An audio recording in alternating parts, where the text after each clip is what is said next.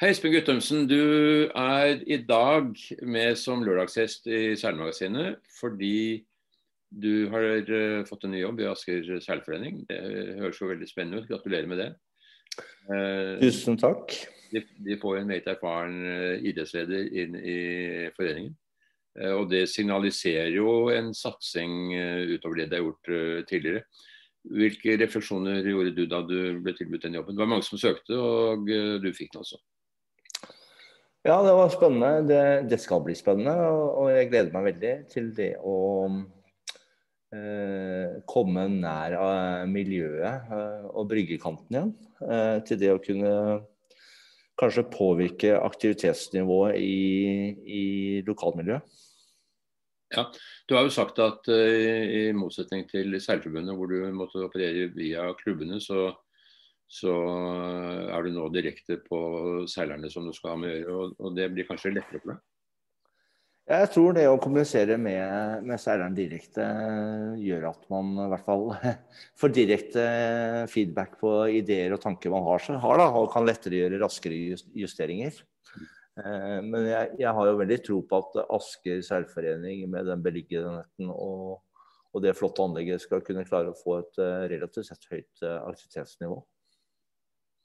Kommer kanskje dine erfaringer som håndballtrener til nytte i den sammenheng? Nå skal man jo være veldig forsiktig med å si noe om, uh, om noe før man på en måte blir ordentlig kjent. Da. For jeg kjenner jo ikke Aske seilforening uh, as is uh, så godt at jeg tør å påstå at, at jeg har altfor mye å bidra med. Men, men, jeg vil jo tro at håndballen og, og, og, det å bygge sosiale miljøer og lagsfølelse og sånt, og det er mye vi kan ta med oss derfra inn i, i seilforeningene.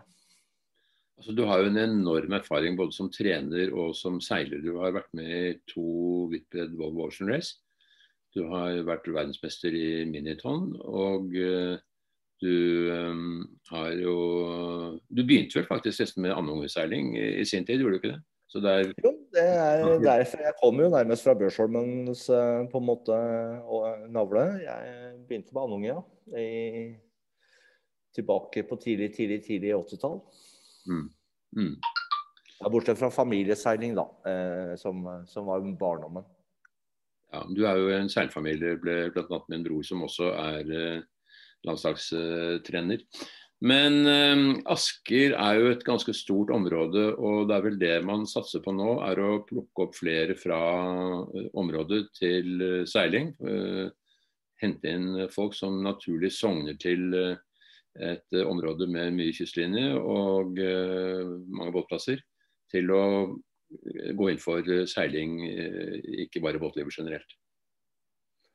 Det, det, er nok eh, en av tankene, bl.a. Ja. Eh, at vi skal prøve å få flest mulig til å, å, å bidra og være med i miljøet. Og, og, føle gleden av å være på sjøen eh, i en seilbåt. Og, og kjenne på det å ha stillheten og roen mens man leker med elementene. Foreløpig er dette en 60 %-stilling, men målet er, sier lederen i Asker Seilforening, at dette skal bli en 100 %-stilling. Det er vel da uh, avhengig av uh, en viss økonomi, og, og, det henger vel sammen med de aktivitetene som du kan skape selv? Ja, det gjør det jo selvfølgelig. Eh, nå har ikke jeg tenkt så langt fram i tid som eh, da lederen i Aske seilforening, for jeg har i øyeblikket også en eh, deltidsstilling hos Hvitt Marine, som, eh, som Aske seilforening er vel innforstått med.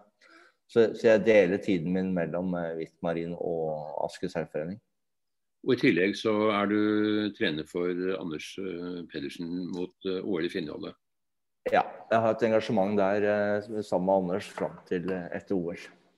Akkurat, Men da, da, opphører det, og i og med at OL kanskje forsvinner ut av OL-programmet, eller Finnholdet forsvinner ut av OL-programmet, så, så, forsvinner ditt engasjement eh, også? Ja, jeg gjør nok dessverre det. Um, du kommer nettopp, eller du er i Villamora nå fordi uh, dere skal trene der frem til VM i Finnholdet i Portugal, men, eller i Porto. Ja. Men, men, nå har dere hatt en stor regatta i Villamora som var europamesterskap, og det gikk ikke så veldig bra for Anders? Nei, man må vel kunne stikke fingeren i jorda og si at det gikk heller det stikk motsatte. Eh, det gikk vel egentlig ganske dårlig. Uh, vi vet jo heldigvis hvorfor. og så Eh, og Derfor har vi også valgt å bli igjen her. sånn. Da kan vi kanskje få gjort litt med det. Vi, vi er jo ikke veldig begeistra for de forholdene, eller Anders er ikke veldig begeistra for de forholdene når det blir ganske lite vind. Dvs. Si seks til åtte-ni knopp og skalpesjø. Så det har vi trengt å trene litt mer på. Og det ser vi at det er det i, eh, nå i denne laserregattaen som startet for to dager siden. Også ganske vanskelige forhold med lett vind og og ja. vindsystemer som slåss eh, om plassen. Så det er ikke så lett å seile der. Nei, det er eh, utfordrende når det blir eh, så lite vind og skvalpesjø. Og så innbiller jo jeg meg at vi nordmenn er mye mer vant til enten en vanlig systemvind eller en solgangspris, som gjør at vi har et helt annet bilde i vår tause kunnskap, som gjør at når vi er på banen da, så blir vi litt sånn lost in space. Vil du si at det var grunnen til at det gikk dårlig med Anders EM? Ja, vi har, må nok bare erkjenne at vi hadde ikke oversikt over banen. Vi, vi visste ikke hva som kom til å skje. Og det, han hadde ikke den erfaringsbakgrunnen som skulle til for å kunne gjøre det bra i de forholdene. Eh, I tillegg til det så fikk han jo selvfølgelig ikke all verden av selvtillit med, med litt dårlig start på regattaen. Eh, og så ble starten også dårligere, og så balla det bare på seg. Så det ble egentlig bare dårligere og dårligere utover i EM. Mm. Har treningsgrunnlaget før regattaen også hatt noe med det å gjøre? At uh, covid-situasjonen har gått utover treningen, og at kanskje han var mer rammet av det enn noen av de andre? Nei, faktisk ikke. Så har, eh, har vi hatt uh, utrolig bra trening. Vi har vært uh, store deler av vinteren på Lanzarote og fått god trening der med masse, masse, masse timer i båten. Men der har vi jo stort sett hatt relativt sett bra med vinden. så og fokus der har vært å få opp lønsefarten, for den har vært en utfordring tidligere. Og det har han jo i og for seg klart. Mm. Men nå sleit vi litt med det bildet av banen og startene. Mm. Eh, hvis man vet at man starter dårlig, så er det noe man kan jobbe med, selvfølgelig. Men den beste måten å jobbe med det er jo i, i store felt. Ja. Og, eh, og, treningen nå frem til VM eh, Det er vel nokså mange båter som er igjen der nå, er inntrykk av, i Vilamora, og som har samme opplegg som dere, at dere skal være der en stund. og så reiser dere til Porto, hvor dere skal forberede dere til VM da, som begynner i begynnelsen av mai. Ja. Så vi får, eh, får, god matching, og vi har eh, gode samarbeidspartnere på, i de andre nasjonene. Så, så, treningen herfra ut eh, har høy kvalitet. Hvem er det som er samarbeidspartnerne? Ja, nå har vi, I utgangspunktet så er det Sverige, Tyrkia, Canada, Norge, Finland. Eh, som er én gruppering. Men eh, sammen med oss er også britene i ny og ne, og Sveits og, og, Frankrike.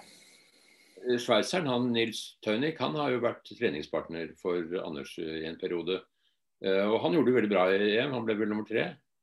Ja, Han hadde tydeligvis veldig god oversikt. Alle, du ser at alle de som var gode på innsjøseiling, de var også gode her. Så det kan jo ha noe med det bildet å gjøre. Mm. Um, altså Det som skjer nå, det er uh, trening frem til uh, VM da i Porto i begynnelsen av mai, som vi sa. Uh, og så er det det, og så etter hvert så må man jo pakke utstyret og håpe at det blir et OL i, i Tokyo. I dag er vel det hva skal vi si, 50-50? Ja, jeg, jeg, vil ikke spekulere i det. det. Vi forbereder oss som om at det skal bli ett. Og så får det være andre som tar avgjørelser eh, om, om, det blir eller ikke blir. Vi vi i fall, eh, skal i hvert fall gjøre vårt for at vi er så godt forberedt som overhodet mulig under dagens situasjon. Men hvis det blir Tokyo-OL, som vi får tro at det blir, så skal dere da dit i en regatta i, i, forkant, sånn i slutten av juni, som det har vært snakk om, eller reiser dere først ned da ti dager før selve OL? Jeg tror at den regattaen den tror jeg antageligvis utgår. Eh, for den, da blir det for langt opphold i Japan. Eh, hvis du skal ta med deg den i forkant av OL, så da tror, jeg, tror vi at vi kommer til å bli så tomme at vi ikke har noe igjen til OL. Så Vi velger heller å bli igjen her i Portugal med treningsgruppa etter VM. Dra hjem en tur, og så dra ned hit og trene i juni. Og så drar vi hjem og gjør de siste forberedelsene, og så drar vi til OL. Mm. Nå er det jo slik at, at Finnholdsseilerne seiler sine egne båter. Tidligere var det jo de supplert av arrangøren. Nå seiler de sine egne båter. Så det betyr at Anders har treningsbåten sin i Europa og seiler den, og så sender han konkurransebåten til, til Tokyo. Det stemmer. Den sendes nå neste uke en gang. Hva, hvordan ser han på seilingen på Sagami Ved? Den er også litt spesiell med vind fra alle kanter og av og til storsjø og av og til litesjø. Så det kan jo bli utfordrende, det også? Det kan bli veldig utfordrende, men der har vi i hvert fall opplevd opplever at vi har både gode erfaringer og gode minner. Og, og, mye mer likt eh, på en måte vindbildet, mye mer likt det vi er vant til eh, tydeligvis hjemmefra. Eh, så det passer hans tause kunnskap mye bedre. Ja. Så, så, der har han jo god erfaring. Han ble vel seks i prøve-OL i, i 19. Så ja. jeg tror nok at uh, Anders Og vi opplever vel det at vi har tatt store steg i de forholdene vi i hvert fall opplevde i det prøve-OL. Så jeg tror nok Anders fort kan ende, ende der eller høyere i mm. OL. Mm. Så meget om Anders og OL-forberedelser. Eh, det er jo disse dager mye snakk om OL-klassen for 2024. Eh, det er blitt godt kjent at den planlagte double-handed mix offshore den ligger ganske tynt an i forhold til IOC, som, som tydeligvis ser en del problemer med å gjennomføre der. Eh, og at eh, man nå har blitt oppfordret til å komme med en annen klasse. Eh, du er jo en, ikke bare erfaren som, som, trener og seiler, men du er også har mye, mye erfaring som idrettspolitiker. Du har sittet da i Seilforbundet i mange år og følger selvfølgelig godt med på, eller har fulgt veldig godt med på det som skjer i World Sailing. Hvordan tror du den prosessen kommer til å utfolde seg? Ja, det som kunne små det, du Mikkel, når det gjelder world sailing og politiske prosesser, så er vel det nærmest like forutsigbart som hvor Gåsa vil gå neste skritt. Um, det, det, det, er vel ganske sikkert nå at IOC har satt uh, world sailing under press, i hvert fall. Uh, og at vi får se hva som skjer. Men, men, uh, heldigvis så sitter ikke jeg i denne generalsekretærstolen lenger og har noen veldig sterke meninger på bakgrunn av hva Norge skal mene. Men uh, som personlig mener jeg vel at uh, det er såpass kort tid fra nå og fram til OL at uh, kanskje like hadde, greit, hadde vært like greit å bare beholde Finjollen i fram til 24. Og så kunne man gjort et skikkelig valg og en evaluering i de tre årene og fått på plass en tomannsbåt med mixed som er mixed, og som hadde vært uh, morsom for eh, alle, og som ikke hadde vært altfor dyr, og, ikke, uh, og som kanskje hadde satt seilingen uh, tilbake igjen i en litt mer moderne setting enn det vi ser i dag. Det er mange som er enig med deg i det, og det har vært hevdet i flere fora at det er det man burde gjøre. Ikke minst fordi at økonomien i verden ser litt annerledes ut i dag enn den gjorde for kort tid siden. Og at det å etablere nye klasser som koster penger, det, det burde ikke være et IOC World Sailing-anliggende. Man burde prøve å spare penger og, og opprettholde da, de klassene som er.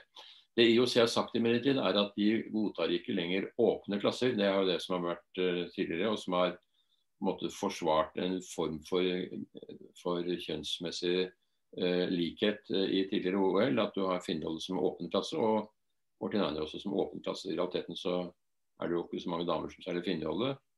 Og de damene som seiler Skift, de seiler FX. Så, så det er en, en, teoretisk ting. Men IOC sier nå at det vil ikke godkjenne videre. Så det må være en, en kjønnsmessig balanse. Og det blir det jo ikke hvis man da opprettholder uh, de klassene fra, fra Tokyo. Uh, men det er vel intet som er uh, skrevet i stein. World Sailing har kommet med en, en ny lovendring som kom veldig, for veldig kort tid siden, hvor de sier at dersom mixed double-handed offshore skal ut, så må de andre ni klassene stå uh, uforandret. Det eneste man kan tillate, er at de mixed-klassene blir splittet i dame- og herreklasse. Men man godtar ikke at noen av de ni uh, forsvinner fra programmet. Og Det gjør at man nå står overfor en litt sånn pussig konstruksjon ved å ha Finnjolle i kombinasjon med rejolle, som er foreslått. Eller kanskje 74 for damer, eller, eller laser for damer. Eh, og så er det mange som har ønsket å bringe matchseiling tilbake i OL-programmet. Og da la de ni andre bli stående. Eh, det har jo kanskje mye for seg. Men det er ikke så veldig forskjellig fra det å skulle arrangere eh, mixed uh, offshore. Så kostnadene vil jo være uh, ikke så veldig uh, annerledes, kanskje. Vet ikke om du har noen mening om det? Ja, jeg tror jo at uh, ved å la de ni klassene stå, tror jeg nok at det er ganske fornuftig. For der har jo folk begynt å forberede seg, og man har kommet langt i forberedelsene. Og så er det jo ingen som har begynt på kjølbåt, for den er jo ikke valgt ennå. Det er ingen som vet hva slags båttype det skulle bli, så der har man på en måte ikke lagt ned noen store ressurser ennå. Så jeg tror jo at det letteste ville være da å si at ok, da gjør vi et unntak for 24, og så har vi ikke totalt um, 100% kjønnsfordeling mellom klassene i 24, men vi får det i 28. I så fall ville det bli bare en, en overvekt av 19 seilere av 300, eller ca. 300 seilere, hvor, hvor 19 er overvektmenn. Det hadde jo ikke vært uh, Nei, Det er mange som deler det synspunktet. Spør du meg, men uh, det er klart at Vi får se. Hva tenker Anders hvis det ikke blir Hva som skjer? Hva tenker Anders hvis det ikke blir innholdet i 2024? Hva, hvilke planer har han? Nei, Foreløpig er jo det litt usikkert. Eh, han har jo også tenkt at den mixed kjølebåten kunne være en aktuell båt for han. Han er jo en eh, relativt sett voksen og stor gutt. Han begynner jo å bli 30 år og veier sine 100 kg. Så det er klart at eh, det å gå derfra og inn i en av de andre OL-klassene da, det blir vanskelig. I og med at du må være vesentlig lettere og mindre i alle de andre OL-klassene.